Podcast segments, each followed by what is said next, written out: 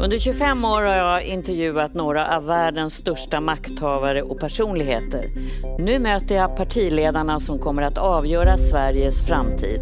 Här är Ulf Kristersson. Moderaternas partiledare är 58 år. Han föddes i Lund och växte upp i Torshälla. Han har varit partiledare i fem år och blev moderat i gymnasiet där de flesta var socialdemokrater och träffade sin fru Birgitta då hon bara var 15 år. Ulf Kristersson är en fighter och maktstrider går som en röd tråd genom hans politiska liv. Min politiska linje är ju att vi ska vara en tuff organisation. Han förlorade som ordförande i Moderata ungdomsförbundet med en knapp marginal mot Fredrik Reinfeldt. En lång infekterad strid som kom att påverka partiet i flera år. Men sen 2017 är han Moderaternas partiledare och siktar nu på att bli statsminister. På sociala medier delar han med sig av sitt liv i löpspåret, med familjen och i politiska samtal. Han nämner aldrig Nya Moderaterna som nådde rekordsiffran 32 procent. Istället har Ulf Kristersson närmat sig Sverigedemokraterna med bland annat en gemensam budget. Vilken ideologisk grund står Moderaterna för idag? Och hur ska Ulf Kristersson få tillbaka de väljare som en gång röstade på Nya Moderaterna?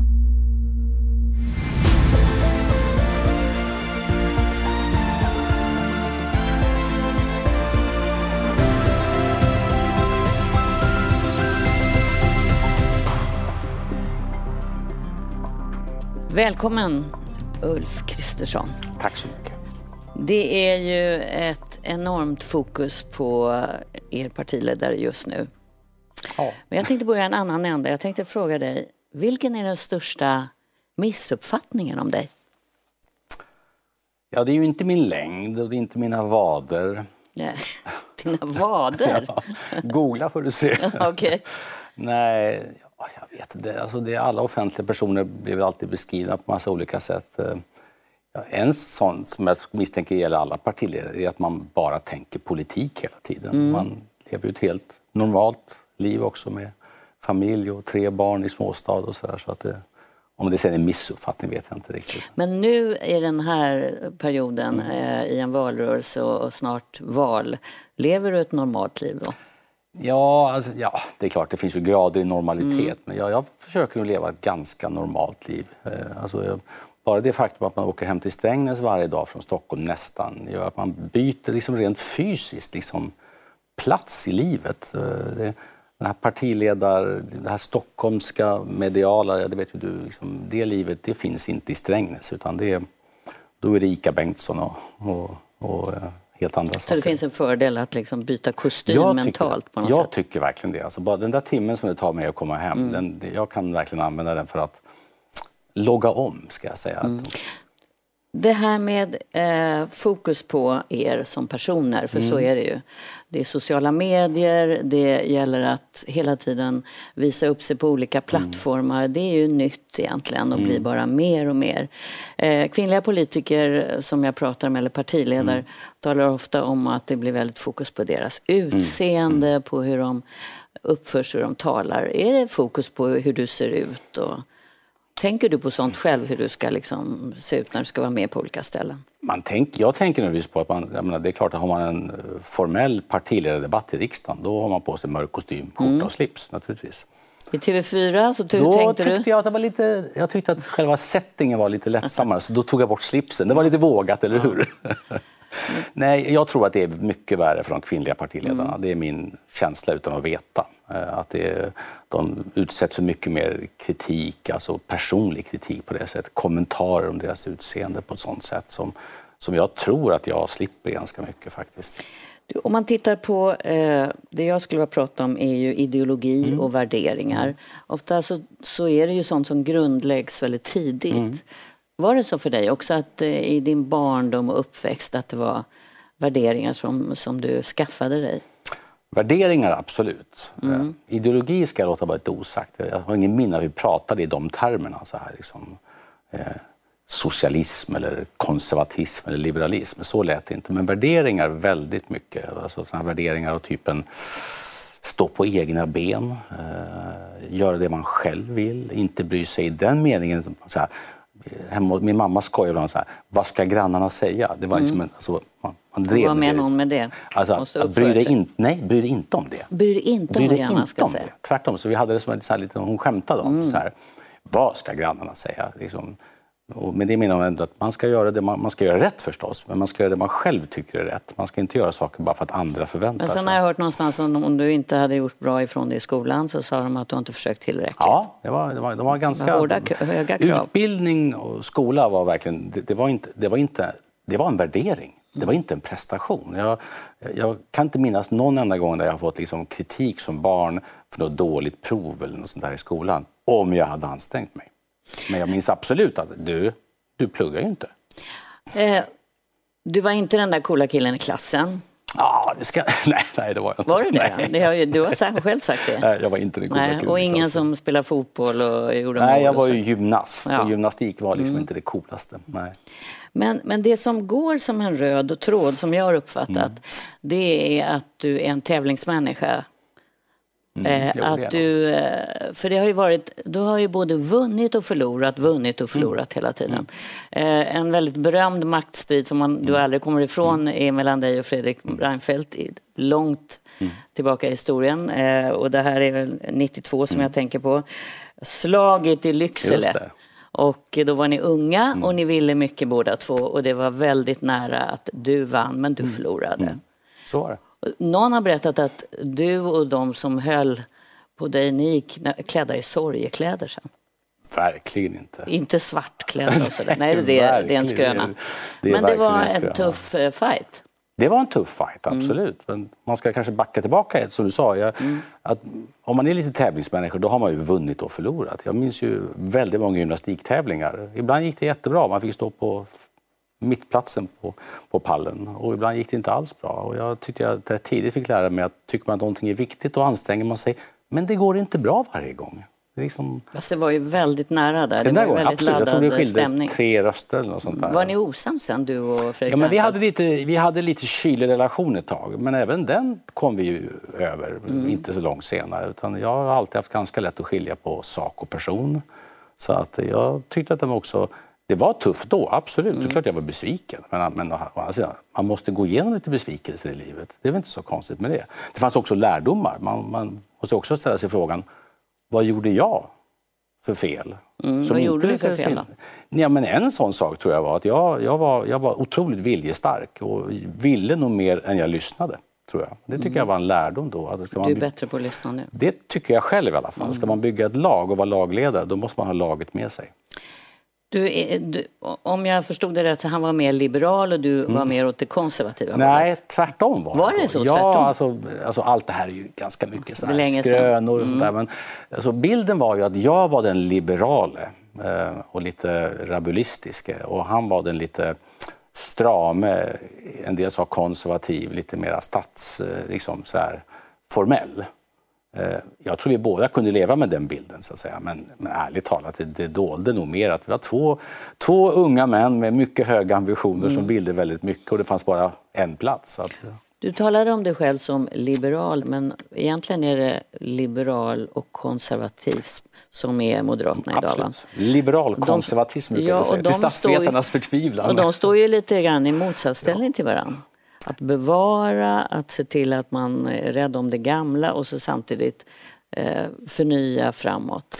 Det är ju ett sätt att beskriva det och jag har respekt mm. för det. Men man kan lika gärna beskriva det som att det är två värderingsströmningar. Alltså den individuella friheten, marknadsekonomin, öppenheten, allt det här liberala.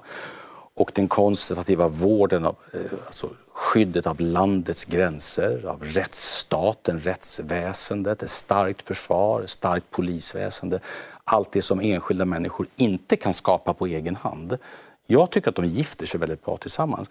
Sen har jag under mina år i politiken olika kan man säga, decennier har, har präglat lite olika sidor av detta. När jag var, gick i gymnasiet och vi hade liksom statstelevision och eh, söndagsstängt på massa ställen, så då var det liksom öppna upp, liksom, bryt upp. och så föll muren i Europa. Då var det verkligen de starka liberala dragen. Nu när vi har ett försvar som är svagare än många andra länders och polisen inte kan lösa tre av fyra gängmord, då är det så säga, statens kärnfunktioner som står i centrum. Mina värderingar är de samma, de liberala och de konservativa. Idag har vi ju en del av världen i Sverige. Mm. Det har blivit ett mycket mer mångkulturellt mm. samhälle. Hur får man alla med på vagnen med, med Moderaternas politik? Att man gör rätt saker. Att hela världen finns i Sverige kan vara en enorm tillgång. Mm. Om, och alla också kan tala svenska, kan göra sig förstådda med Det gör de inte idag. Väldigt många talar inte svenska Nej. idag. Så vad, vad, vad, tänker du göra åt det? Se till att det är klart att om man kommer till Sverige eller har kommit till Sverige så måste man lära sig svenska.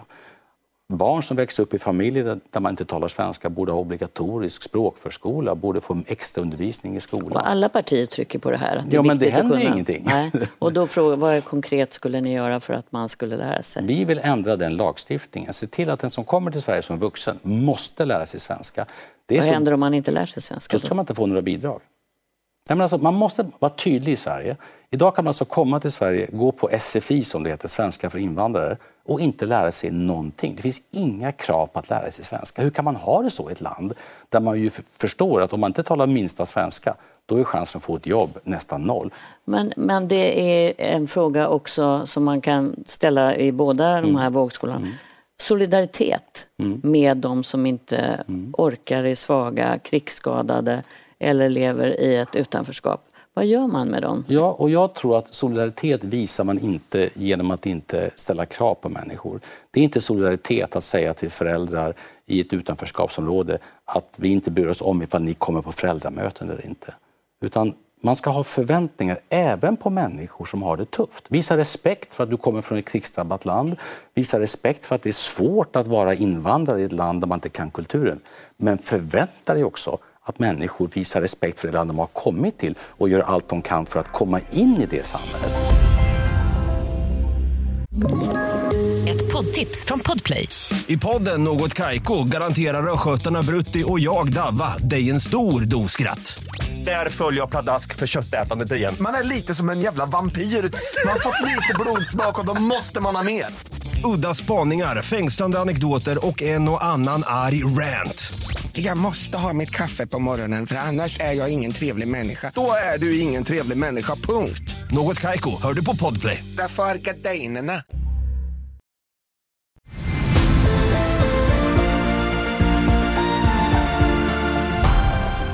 Ni har närmat er Sverigedemokraterna på ett sätt som ingen trodde var möjligt och nu har ni gjort det. Vad är likheten mellan Sverigedemokraterna och Moderaterna? Ja, men likheten skulle jag nog säga. På, på min sida i politiken så finns det nu fyra partier som ser ungefär samma problem i Sverige. Vi ser brottsligheten, en skjutning om dagen och en dödlig skjutning varje vecka. Vi ser energikrisen, de höga elpriserna, nedlagd kärnkraft helt i onödan. Vi ser att vi har haft väldigt hög invandring till Sverige, högre än vad vår integration klarar mm. av. Och vi ser samma problem.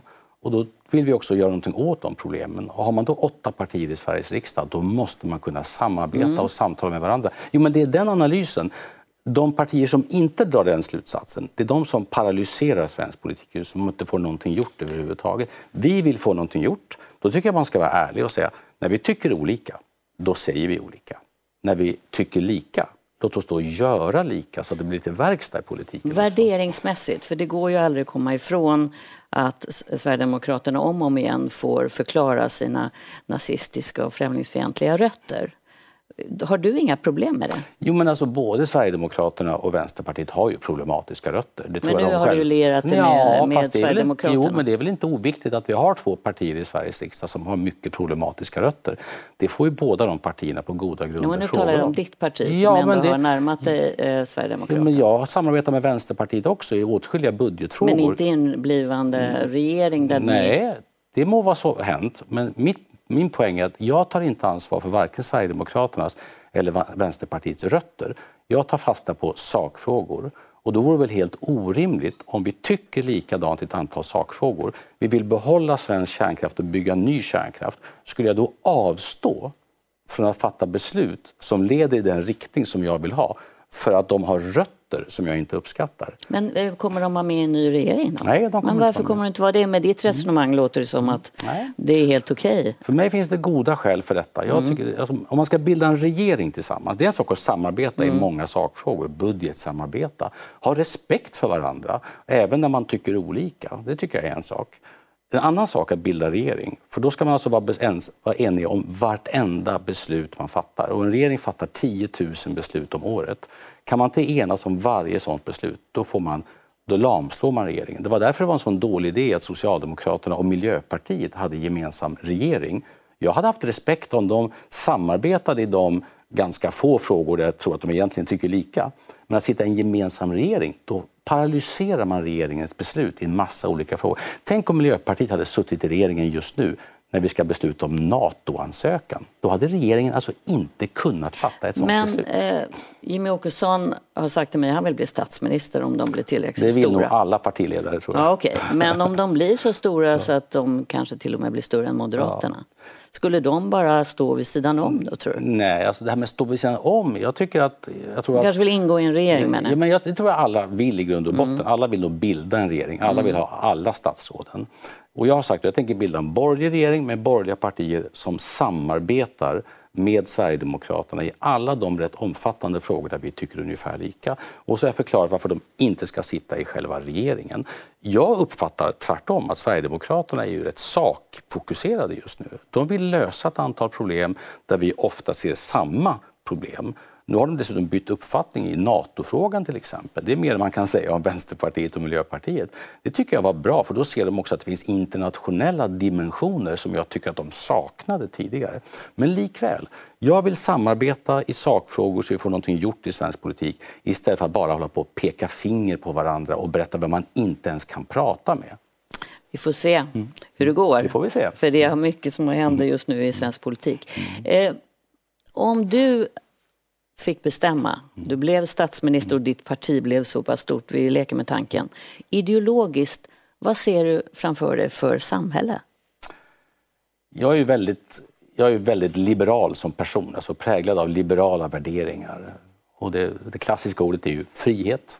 Alltså både individuell frihet, att man så långt man bara kan får göra som man själv vill. Man får inte skada andra, man ska visa hänsyn för andra, till andra, men man, i grund och botten styr man sitt eget liv. Det är för mig otroligt viktigt. Och då finns det målkonflikter. Alltid massor av målkonflikter. Och ju äldre man blir, desto fler inser man att det finns. Och var ligger den konflikten nu när vi har pratat om de här stora klassklyftorna till exempel? Ja, men en sån sak är ju att maximal frihet för enskilda, men också sammanhållning i ett samhälle. Att så långt det bara är möjligt skapa gemenskaper där människor bryr sig om varandra. Att vi har en socialpolitik som fångar upp människor som misslyckas eller riskerar att misslyckas. Att de barn som har oturen att födas i familjer med dåliga förutsättningar, det kan vara fattigdom men det kan också vara missbruk, psykisk ohälsa och andra saker, att de möts av en omgivning som hjälper dem att stå på egna ben ändå klassresor. Min mamma, det här var ju hennes liksom credo verkligen i sitt liv. Att, eh, pappan var, min morfar var snickare, eh, min mormor var städerska. Hon blev den första som tog studenten i vår familj. Den första som åkte till Lund, universitetet. Hon blev inte alls rik på något sätt, men hon fick helt andra vyer än mina morföräldrar. Det här liksom att, att få förverkliga sig själv. Men det kräver också att man är i ett sammanhang där man bryr sig om varandra. Så att friheten för mig, det är verkligen en viktig sak. Men ansvar, gemenskap, att bry sig om, det är en, det är en annan värdering Och det man brukar prata om marknadsliberala krafter, Mm. kapitalismen som en del säger har börjat spela ut sin roll. Det, har, det är inte bara i Sverige som de här klyftorna drivs, alltså att den här klyftan blir större och större. Håller du med om det? Att det finns att det är viktigt att bromsa de här krafterna? Nej, alltså, alltså marknadsekonomi har ju, den är ju otroligt värdefull. Det finns ju inget land som inte är en marknadsekonomi som funkar överhuvudtaget. Så den har ju den har tvärtom segrat så mycket som vi knappt ser att hur bra den är. Du ser inga problem Jo, men med... absolut, det finns ju alltid, som jag sa, det finns ju alltid en massa målkonflikter. En Och hur ser den ut då? Ja, men en, en, en bra marknadsekonomi är ju till exempel en sån som tar in lagom mycket skatt så man kan finansiera de saker som måste vara gemensamma. Inte tar ut noll i skatt, absolut inte mot tar ut 80-90 procent i skatt heller. En bra marknadsekonomi har ju lagstiftning och, som skyddar människor mot brott till exempel. Som gör att man vågar lita på olika avtal. En bra marknadsekonomi har ett starkt försvar så att eh, Ryssland inte kan komma och invadera en. Allt det här löser ju inte marknadsekonomin själv. Jag tycker politik är viktigt. Det är därför jag håller på med det. Du, du, du, du har nu sagt att eh, ni bildar ett block med Sverigedemokraterna. Eh, man måste kunna tala med alla. Är det helt otänkbart att du skulle kunna ta ditt parti och bilda ett block ihop med Socialdemokraterna? Många har ju sett både dig och Magdalena Andersson mm. tala med en helt ny ton, mm. inte minst när det gäller Sveriges säkerhet. Eh, är det en otänkbar tanke för dig? Jag börjar inte i, så här, i block, jag börjar, inte, jag börjar i sakfrågorna. Vilka är problemen? Jo, men nu kommer det ju bli så i realiteten. Jo, men är, för mig är det en viktig slutsats. Om man har, I mitt fall, Liberalerna, Kristdemokraterna och Sverigedemokraterna som i stora och viktiga frågor ser ungefär samma problem som jag ser och vill ha ungefär samma lösningar. Det är olika partier, ingen tvekan om det, men ser en färdriktning som är gemensam. Då kan man få någonting gjort i svensk politik. Och sen ser jag ju med Socialdemokraterna i de allra flesta frågor precis tvärtom. De tycker inte som jag, de vill inte gå i min riktning. Men i de frågor där de vill det, då har jag inga som helst problem att samarbeta med Socialdemokraterna. Precis. För mig var det jätteviktigt att tillsammans med regeringen lösa den svenska NATO-anslutningen. Att hjälpa dem att bli oberoende av sitt eget regeringsunderlag. För, för mig var det en sån viktig sakfråga. Mm. Men att sitta i en regering? Nej, men då ska, man, då ska man vara överens om allting. Ibland finns det, inte minst i näringslivet, en sån förhoppning. Man kan inte bara göra upp så här i största allmänhet. Alltså, om man tycker olika, då kommer man i bästa fall inte göra någonting alls. Och den risken tycker jag är den största, just att politiken blir handlingsförlamad. Poddtips från Podplay. I podden Något Kaiko garanterar östgötarna Brutti och jag, Davva, dig en stor dos skratt. Där följer jag pladask för köttätandet igen. Man är lite som en jävla vampyr. Man har fått lite blodsmak och då måste man ha mer. Udda spaningar, fängslande anekdoter och en och annan arg rant. Jag måste ha mitt kaffe på morgonen för annars är jag ingen trevlig människa. Då är du ingen trevlig människa, punkt. Något kajko, hör du på podplay. Därför är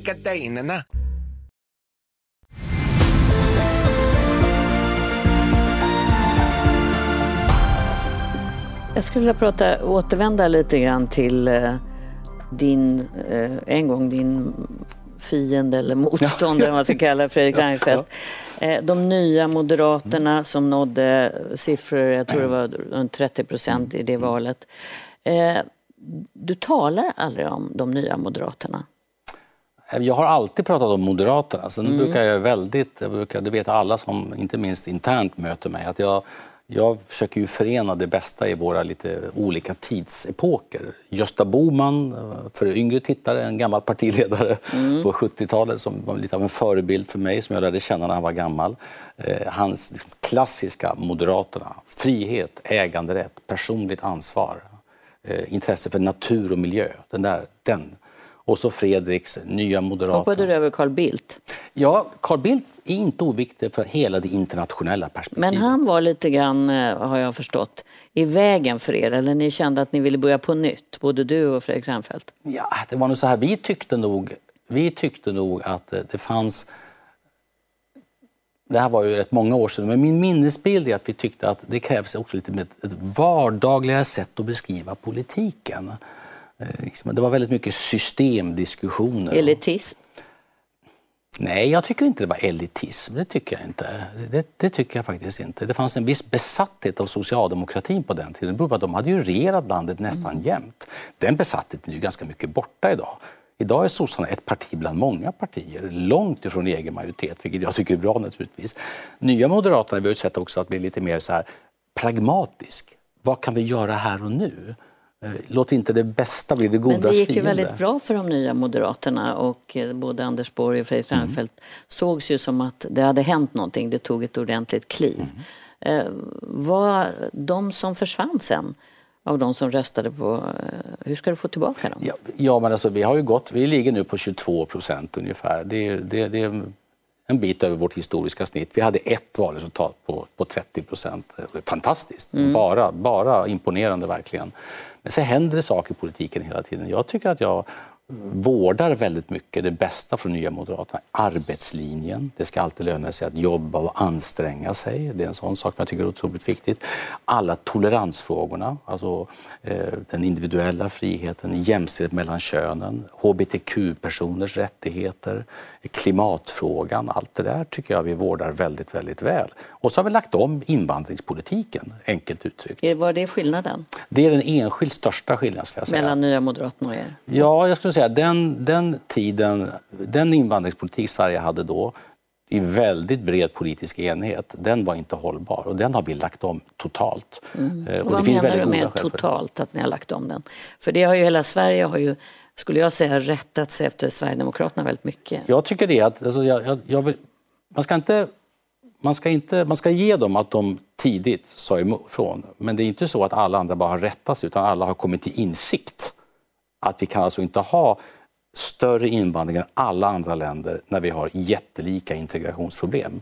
Alltså, det är ju en helt självklar slutsats idag. Det finns ju ingen vettig människa som tror att lösningen på våra skjutningar i förorten är att, att Sverige ska ta emot lejonparten av alla migranter som finns i Europa. Det är ju helt uteslutet. Men Sverige har ju totalt sett minskat också flyktingmottagandet. Ja, de senaste åren är nästan bara drivet av pandemin. Det är fortfarande det kom alltså 95 000 personer fick uppehållstillstånd i Sverige under 2021. 340 000 personer har, har fått asyl i Sverige sedan 2014 utan att räkna in ukrainare.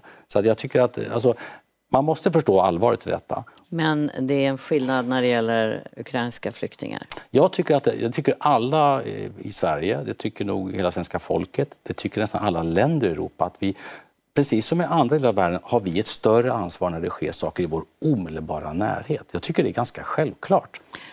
Du, din person också ska, tänkte jag vi skulle prata om. För att det är som sagt många människor som är nyfikna på er partiledare. Hur mycket tänker du på vem du är och hur du framträder? Alltså, om man går omkring och tänker på sig själv som partiledare, då blir man knäpp tror jag. Alltså, så kan man inte hålla på. Utan man måste, alltså det låter som en klyscha, men man måste i grund och botten vara sig själv. Sen förstår man att, att, att, liksom att ah, hela ens privatliv, om man går hemma i kalsongerna, kanske man inte ska visa upp. Och det gör jag inte heller. Men, men liksom, man kan inte gå omkring och tänka sig som en, en roll riktigt. Fast det, fanns ju, det finns ju en eh, väldig press på att du ska leva som du lär. Ja, och det är väl Kanske helt mer rimligt. än eh, på några andra Och det är personer. helt rimligt tycker jag. För det Det- gjordes ju en lista när du valdes att du inte riktigt hade levt som du lärde. Men så, alltså, alla har vi våra fel och brister och alla har vi levt ett eh, mer eller mindre långt liv. Då är det behov av misstag. Låt oss stå för det. Vi vill inte ha några perfekta robotar till partiledare. Men man kan inte gå omkring och bara tro att man, att man är en slags eh, liksom en, en skyltdocka. Det, det funkar inte. Sen är det, du sa det här med att man jag, jag tror att kvinnor, men det här ska man prata med de kvinnliga partiledarna om, att jag tror att de i, utseendefrågor och klädsel sånt rannsakas mycket hårdare. Det, det, det kan jag verkligen beklaga. Och att, och att de ofta möts av en väldigt hård ton från, från, från föraktfulla män, inte minst i sociala medier. Men visst, vi män rannsakas väl också för det vi gör Vad får du för kommentarer så? Ja, jag, jag brukar säga till mina barn, googla inte på oss. Alltså, liksom, för det skrivs så mycket gyttja, mycket dynga i sociala medier. Så jag bryr mig inte om det. Utan jag, jag tar fasta på när människor har seriös, seriösa synpunkter, seriös kritik. Och jag har medarbetare som är ärliga och uppriktiga. Och så har jag en familj som är ärlig och uppriktig också. Då, men att, att allmänt läsa eh, liksom föraktfulla eh, liksom vredesutbrott på, på nätet, det har, inte, det har jag inte min tid till helt enkelt. För du har pratat om dig själv som en blyg person. Nej, men blyg, När du har växt upp? Ja, jag har aldrig... Jag har aldrig varit så... Jag har aldrig känt ett behov av att framhäva mig själv. Så att säga. Jag är ganska inriktad på vad jag, vad jag åstadkommer. För den bilden får man inte om man partiledare som står som du har gjort i en debatt eller i en sån situation Nej. som du uppträder. Det ser inte ut som det är en Nej, blyg person nej, som inte gillar att- framträda. När man står på Almedalens vackra Mm. scen till exempel, då är det klart att då kan man inte vara blyg. Det är ju tvärtom en fantastisk upplevelse. Men jag har, jag är inte fostrad till att liksom prata om mig själv i första hand utan snarare vad jag håller på med. Vad jag, vad jag, om det vare sig det var gymnastik eller studier eller nu som partiledare, så vad vad är det jag försöker åstadkomma. I den meningen är jag ganska prestationsinriktad. Och sen gillar du makt. Ja, jag gillar makt i den meningen att, att eh, har man inte, om man inte får tar makt i politiken, då kan man inte genomföra saker. Sen har jag väl bevisat de här gångna fyra åren att man kan ha ganska mycket makt även som oppositionspolitiker mm. om man kan det politiska hantverket och kan sy ihop majoriteter. Eller det politiska spelet? Nej, för mig är det hantverk. Okay. När, vi, när, vi samlar, när vi samlar, till slut samlade sex partier av åtta för ett svenskt NATO-medlemskap. Det hade inte skett utan Finland, det hade inte skett utan Moderaterna. När vi samlade majoriteter för att skänka vapen till Ukraina, det hade inte skett utan oss. Jag förhäver mig inte, jag säger bara att det här är politiskt hantverk. Att kunna prata med alla, förena olika viljor och få någonting gjort i politiken. Du, hur öppen ska man vara om sitt liv och sitt privatliv, tycker du? Du har ju varit ganska öppen om dina barn. Ja, jag tror att det om att ni har adopterat, mm. att det var svårt att få barn mm. och sådana mm. saker som ju en del aldrig skulle prata om. Nej. Men där har både du och din hustru varit öppna. Ja. Och, och I sådana frågor är inte jag det minsta blyg. Tvärtom tycker jag. Jag har, alltså jag har inget emot att prata om mina erfarenheter. Åtskilliga år i barnlöshet och den här den här IVF-fabriken. Alltså Hur var prover. den tiden då? För det är ju sånt man pratar med kvinnor ofta ja, än med män. Nej, det var, den var överskattad. den var överskattad. Åka in till klinik och, och tvinga mig... Det var jobbigt Det var jobbigt, ja. ja. Tvinga hustrun att äta olika hormonpreparat och, och sen så ha de här ständiga Eh, och, som vanligt, det var ju inte männen. Vad vi behövde göra kan var och en föreställa sig. Mm. Det var ju, kvinn, det var ju mm. min, i det här fallet min hustru som, som måste laborera, som med, måste sin laborera med sin kropp. Mm. Hon, någon läkare som sa nu kan du slappna av, nu sköter tekniken resten. Det var mm. inte det hon ville höra, liksom, att hennes kropp bara var ett, ett objekt för någon. Mm. Men, så att vi tyckte att det där var, vi tänkte så här, det här ska vi inte hålla på med år efter år och vara besatta av den tanken. Utan, och där var min hustru mycket snabbare än jag. Det finns barn i världen som behöver föräldrar, mm. som är födda redan, som inte har föräldrar. Mm. Eh, och varför skulle vi inte kunna bilda familj på det sättet lika gärna? Du, ni har levt länge ihop. Mm. Och eh, var ni firat 30 år? Vi hade faktiskt 30-årig bröllopsfest, mm. lite försenat eftersom det skedde. Mm. Det var mitt i pandemin egentligen, mm. alltså 21 som vi hade 30-årig bröllopsdag. Vad betyder det? Vi ska nämligen snart få träffa henne mm. som eh, mm. vet väl väldigt mycket om dig. Kan ja, jag tänka mig. besvärande mycket. Men du, vad betyder det att ha någon som man delar en sån lång historia med eh, hemma när det blåser och man kanske känner sig mm. påhoppad och ja. lite sårig, för det kan man ju göra. Mm, absolut. Nej men obeskrivligt mycket. Jag tror inte det går att beskriva. Det, vi har vi har ju nästan vuxit upp tillsammans. Jag var, alltså, växt ihop tror jag. Växt ihop också ska mm. man säga. Mm. Eh, jag tycker vi är rätt duktiga på att ha var sitt eget liv. Det mm. bevisar ju inte hon minst just nu när hon blir färdig präst här väldigt snart och det skulle jag aldrig ens överväga. Så, att, så vi har verkligen två separata liv men de är otroligt gemensamma och vi har gjort en resa i 30 år som, är, som ju är den etsar ju samman en. Det gör ju också att man har varit med om så många prövningar, både fantastiska lyckoögonblick och ganska mycket bottenlös smärta också. För bara några år sedan så hade vi en, en, en kusin till våra barn som dagen före julafton eh, eh tog sitt liv. Eh, när man är med om sådana här saker som, som nästan är, alltså, de går knappt att, att beskriva för andra människor inte vara med om det. Då prövas man också tillsammans på något sätt. Hur hjälper man varandra i de här? Hon byggde ett företag i många år som krävde extremt mycket resor. Jag var hemma med våra barn väldigt mycket. Jag var pappaledig första halvåret med vår äldsta för hennes kollega i jobbet fick barn samtidigt. De hade tvingats lägga ner sitt företag om jag inte hade kunnat vara hemma. Så att jag tycker ändå vi har liksom ska säga, växeldraget lite grann. Men det är klart att just nu när man går in i sådana här valrörelser så här, då betyder det väldigt mycket att veta att man har en, en extrem stabilitet hemma. Jag tänkte vi ska bjuda in din ja, eh, ja. hustru eh, Birgitta mm. och så ska vi höra lite grann om vad hon har att säga om det. Mm. Välkommen! Tack. Hej, hej! hej. Vi ska sätta in Tjenare. en stol här. Hej. Välkommen! Hej. Fick du läppstift nu? jag vet inte. Nej, det fick du inte. Det skulle barnen gilla. Ja. Ett poddtips från Podplay. I podden Något Kaiko garanterar östgötarna Brutti och jag, Davva, dig en stor dos skratt. Där följer jag pladask för köttätandet igen. Man är lite som en jävla vampyr. Man har fått lite blodsmak och då måste man ha mer.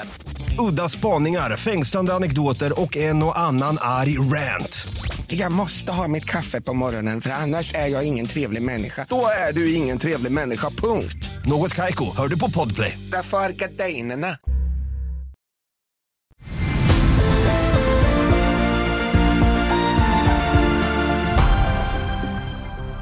Välkommen, Birgitta Ed. Eh, dubbelnamn kanske det är också.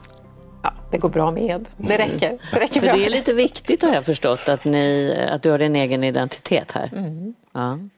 Jag, jag gjorde ett försök när vi gifte oss för länge sedan att byta efternamn, Mm. men jag bytte tillbaka så småningom. Ja. Det tog sig aldrig Det riktigt. tog sig inte. Och vad, vad, vad är det som är viktigt att ha en... Men vi är ju, vi är ju två. Vi är två individer och vi, vi är också en familj. Så att vi, vi, vi har ju varandras namn också. Numera även har alla, alla namn. Ja. Ja. Men eh, Birgitta Ed, det är ju jag. Och det har det varit sedan jag föddes. Och jag fortsätter med det. Du, du har suttit och lyssnat och jag pratade ju om att ni har en väldigt lång historia tillsammans. Du var 15 år när ni träffades. Oseriöst. Var det oseriöst? Ja, men jag tror... Då var jag, jag, jag var 15 år och Ulf var fem år äldre då. Han är fem år äldre nu. Och det är klart att när jag nu har varit mamma till 15-åringar så är det klart att jag kan tänka att jag var ett barn. Det är Då klart hade du sagt, ni, ni får inte... Eh, Jag hade nog ställt frågor. Jag hade varit orolig tror jag. Men du, var, var han svårfångad då när du Ja. var 15? Det var han? Ja, det var han. Det var han faktiskt. Han tyckte att jag var för ung. Eh, Han tyckte nog att jag var lite väl eh, efterhängsen. Hur var det med det? Alltså, det var inte så att jag var så van vid att tjejerna sprang liksom benen efter sig. För, Nej, efter för mig. det har du sagt att Ja, du var nej. ingen sån där kille som eh, Nej, hade massor med tjejer. Jag var liksom inte tjejtjusaren i klassen Nej. Mm. så att säga. Eh, Nej, jag var nog också lite, lite blyg skulle jag tro. Lite, lite försiktig. helt Mm. Och så var hon ju väldigt mycket yngre när, när man är i den Mm. Är åldern. man i den åldern så är det Ja. väldigt stor Men skillnad. hon låg på och... eh, Hon var lite ihärdig och, eh, och ja, ja, ja, precis. Inga detaljer men så var det och det funkar ju alldedes utmärkt. Det hade ju inte blivit det är någonting. väldigt roligt med detaljer. Vad gjorde Ja, hon? nej, nej, precis. Jag hade, Vad jag- gjorde hon för jag att få dig min- på kroken? Ja, Det var före sms-tiden kan jag säga. Ja, det var Så man före fick, liksom, man fick vara lite Ja. mer kreativ. ja precis. Och, och sen så jag gjorde väl lumpen i Enköping och bodde i Eskilstuna och hade en gammal tjeckoslovakisk motorcykel som jag körde mellan. Och då låg ju Strängnäs och strategiskt och jag stannade till några gånger så här, liksom skaffa mig förevändning som man gör sådär liksom. Ehm, och du var sjuk någon gång och då skulle jag bara hälsa på dig och sådär. Jag fick en blomma. Ja, men liksom i all vänlighet bara sådär. Så att jag, jag tror inte ens jag riktigt erkände för mig själv att, eh, att det fanns något här. Men du gav inte upp? Jag gav inte upp. Nej, det är roligt. när, när blev det så att det bara sa, som man brukar säga, klick då mellan, även för dig? Ja, om det sa klick riktigt. Alltså, men, men vi träffades ganska mycket och sen så tror jag det var väl lite så här. Det var ingen så här ögonblick där vi sa nu är vi ett par. Det tror jag inte. Utan det var nog lite grann Det när fanns vi... inte heller Facebook att göra officiellt Nej, på. nej, precis. Och man kunde inte ens säga it's complicated. Utan, utan det liksom gled in i varandra och sen efter ett tag så var det nog bara ett etablerat faktum. Lite grann. Du låter inte så romantisk Nej, när jag du pratar vet. om det. Nej, men våra barn säger liksom, hur friar du till mamma? Och jag sa, ja men vi bestämde oss för att gifta oss med varandra. Så här. Och när jag ser att de liksom, du liksom var inte på knä med en ri- Nej, inte riktigt. men jag tyckte att det var, eh, jag menar, för mig var det inte mindre romantiskt att bestämma sig på det sättet. Men jag, jag fattade att det var fel. Det var inte fel. Det blev bra. Det blev, Det blev väldigt bra. Ja, Det blev bra. väldigt Det blev bra. bra. Och eh, vad skulle du säga om att ha eh, nu, den personen som du träffade var ju, det var ju privat som ni träffades och så har det blivit en väldigt offentlig person. Eh, De senaste åren ännu mer. För nu är det ju liksom allt det här med olika plattformar och sociala medier. Hur, hur har du klarat av det? Eller familjen? Ja. Nej, men jag tror att vi är ju på något sätt ganska trygga, eller vi är väldigt trygga i, i varandra, i familjen och att man får, man får på något sätt se bortom alla de där bilderna. Det är klart att det kan påverka mig och det kan påverka barnen, ungdomarna ibland när, när bilder sätts av andra och man upplever sig själv kanske nästan som statist i sitt eget liv. Att det där har väldigt lite med mig att göra. Men jag tror att det är bra att vi har varit tillsammans så länge. Jag tror att det är bra att vi har varit med om svåra saker, att vi har varit igenom mycket. Vi vet vad som är viktigt i livet. När Ulf fick frågan om att eh, bli partiledare så hade vi ju flera långa samtal. riktiga samtal med familjen om vad det här kan innebära. Och vi brukar ju skoja hemma mycket om de här, att vi lever på två olika planeter. Vi skojar fortfarande ofta, ofta om att Ulf lever på partiledarplaneten och vi lever på planeten jorden och det är två olika planeter. Ibland kan vi hälsa på och det är viktigt att vi ibland hälsar på på den här planeten. Och Som tycker nu. saker kanske om det han Absolut. gör och sådär. För det är väl roligt att ha Men, någon som... och det gör vi på den riktiga planeten. Mm. Så det är, det är viktigt att inte fara iväg. Som Mm. familj kommer vi alltid finnas här. Men, men man kan väl säga också att ni träffades i ett sammanhang där ni hade samma värderingar. För du var också Absolut. engagerad i Moderaternas ungdomsförbund på den tiden. Absolut. Och det här engagemanget för, för de stora frågorna, för värderingar och för ett, för ett, liksom ett bättre samhälle, det är ju något som vi naturligtvis delar och diskussioner som vi alltid kan ha hemma i den riktiga världen Mm. Kan också. du, när han kommer hem då, Ulf, kan du säga då att det där tyckte jag nog inte var så bra. Det borde... kan jag absolut göra. Mm. Eh, Men jag, jag tror också att det är viktigt om man kommer hem och har gjort en partiledardebatt till exempel så tror jag också att det är viktigt att det finns en famn som väntar. Mm. Att, det finns, att det finns tre barns under årens gympapåsar och så och hundar som ska ut och att aldrig liksom förhandla bort det. Mm. Utan det är famnen i första hand. Det är kärleken och tryggheten som är det viktiga. Sen kan jag ge råd. Jag Mm. har också jobbat med politik eller samhällsfrågor. Jag kan ge råd, men det är inte min första uppgift. Famnen är faktiskt den allra Mm. Och då viktigaste. lyssnar du på de där råden? Utan tvekan. Mm. Det hade nog varit väldigt plågsamt att, att leva tillsammans om man inte ens var intresserad av varandras Mm. världar. Sen, sen ska man ju inte missbruka varandra och göra varandra till någon slags professionell rådgivare förstås. Men det är klart att det är, det är otroligt värdefullt att det är någon som åtminstone tycker att det man sysslar med är intressant eller kan, kan ge en slags rimlighetsbedömning på saker och ting. Det tycker jag. Eh, Vi satt och pratade tidigare om att eh, ni har båda varit, och du har ju varit öppen som man med eh, hur det känns att inte kunna få barn. Eh, barn, alltså biologiska barn. Och att det är många som inte talar om det för att det är så ja, att man känner att man skäms eller att det, finns, eh, ja, det finns den typen av skam. Men det har ni valt att göra ändå. För det är en smärtsam period ofta för väldigt många. Och det var ni överens om. Ja men absolut. Och jag, jag tror inte heller att... eh, När det där var som mest aktuellt förstås under de åren så är det klart att det var jobbigt men vi hanterar det också på olika sätt. Jag, jag valde att ta professionell hjälp med hjälp av terapi, att prata om de här frågorna hela tiden, att försöka förstå vad det är som gör att, att man blir så ledsen. Du hade inte det behovet. Nej. Eh, men vi kunde också prata med varandra om det. Att moderskapet hängde så mycket ihop med din identitet. och jag kunde verkligen tänka, jag, jag hade en bild av mig själv som tonåring att jag skulle ha massor med barn Mm. och bo i ett stort hus och så.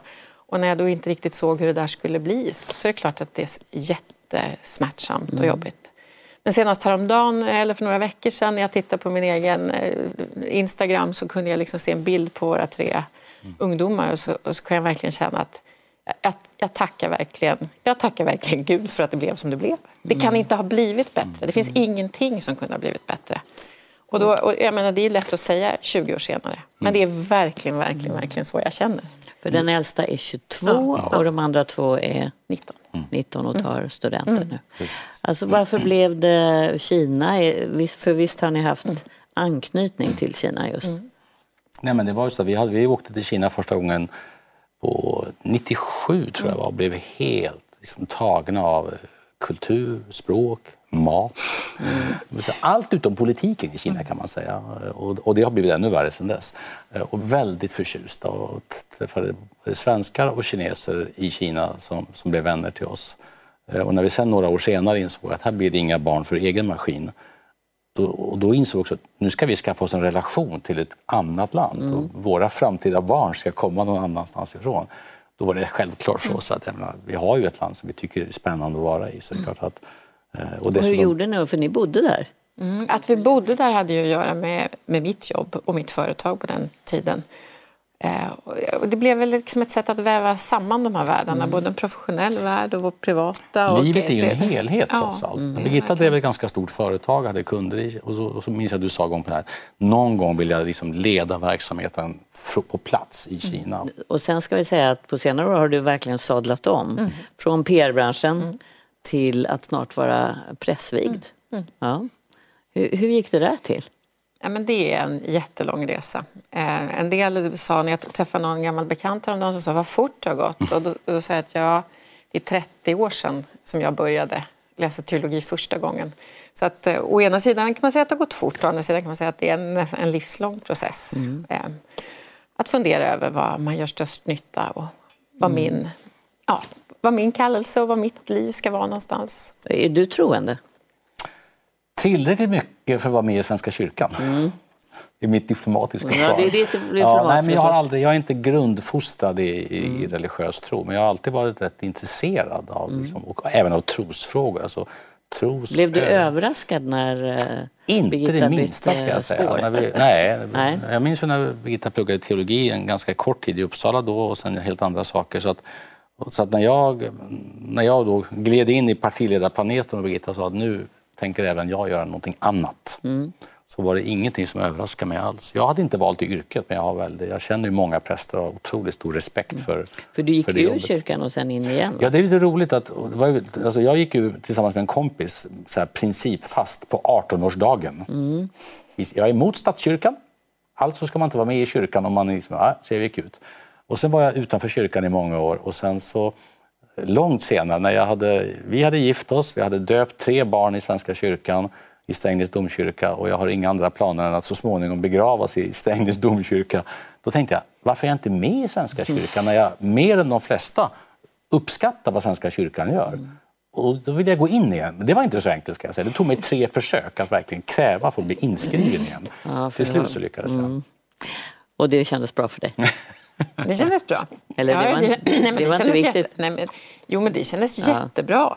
Men, eh, och, och just det där att man faktiskt går ur när man inte tycker att det är rätt. Mm. Och sen att man kommer tillbaka. Det är klart att det är jättebra. Det är ju ett sekulariserat land på många sätt, Sverige. Och det är ju inte så ofta som politik och eh, religion går ihop i Sverige. Nej, det, eller det har kanske varit under en period när det inte har varit så. Men eh, de allra, allra flesta människor ställer sig ju också de stora existentiella livsfrågorna. Och att få vara närmare dem och att, kunna, att de också går hand i hand med en förändring av ett samhälle, det tycker inte jag är så konstigt. Och vi kommer ju in i stora viktiga livsfrågor från olika håll men det är klart att vi båda drivs av att inte bara påverka vår egen lilla vardag utan att kunna göra större saker. Tillbaka till gemenskapen tycker jag. Ni, ni säger församling, jag kan säga liksom samhälle. Att det finns liksom en, vi är viktiga som människor men det finns ett vi här och det är ett vi som måste hänga ihop på olika sätt och måste vårdas på olika vis. Och det tycker jag ni gör på ert sätt och jag försöker göra det på, på mitt sätt. Har du någon gång varit orolig att det är för tufft, partiledarjobbet?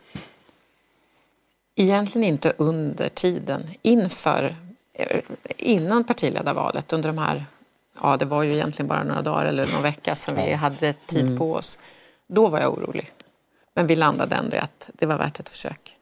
Nu är jag inte orolig. Eh, Jag har då och då tyckt att det är framförallt jobbigt för, för våra ungdomar eller för barnen. Och det är det.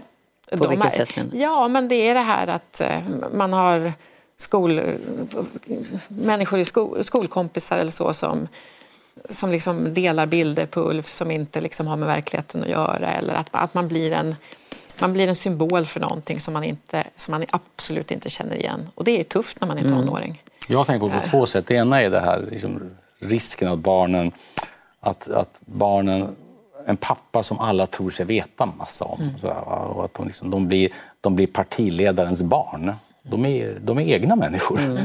Det är det ena. Och det andra är förstås att, att, eh, att de kan bli utsatta för en massa en massa hånfullheter helt enkelt, framförallt på nätet. Liksom. Så, Och det tycker jag, det, de är helt de är oskyldiga både till sånt som jag anklagas för som jag möjligen är ansvarig för och framförallt för sånt som jag inte ens har gjort. Så att, eh, då, då känner man lite, man kan få ett sting av dåligt samvete just för att de dras in i någonting som de verkligen inte har bett Och då om. pratar ni hemma om det? Ja, Då det gör vi väldigt, väldigt mycket. mycket Och pratar också med andra ska vi säga som har samma erfarenheter. Man är inte ensam. Sen blir de prästens barn. Ja, sen Ja. Blir de. Blir de. Är det någonting som ni vill eh, tillägga? Men öppenheten tycker jag är viktig. För det, finns en kombination här. Öppenheten om barnen och deras bakgrund. Vi har haft rätt att prata offentligt om, om det därför att för oss har det varit viktigt att, att barnen ska veta exakt hur gick det till, hur fick vi dem, Va- varför blev det som det blev, Eh, var är de födda någonstans, vad är deras ursprung? Och allt detta. Och inget hysch om detta utan säg som det är, var öppen om detta. Och det tycker jag också rimmar för oss det rimmar rätt bra också med att leva ett, ett liv där man är ganska mycket i offentligheten. Så att, eh, inte, och jag har också velat ha med familjen så länge de vill. Naturligtvis, att man inte lever olika liv. Att man sticker iväg på måndag morgon, kommer hem på fredagskvällen utschasad. Utan att kommer hem på dagarna, på kvällarna. Att ni ger med så mycket ni har lust för att också se vad händer i den här lite torktumlaren som, som Man sitter bänkad i soffan och tittar på partiledardebatten. Ja, eller ännu hellre hänger med till Almedalen och ser hur det funkar i verkligheten. Det, för mig betyder det jättemycket. Tack för att ni kom båda två. Tack. Tack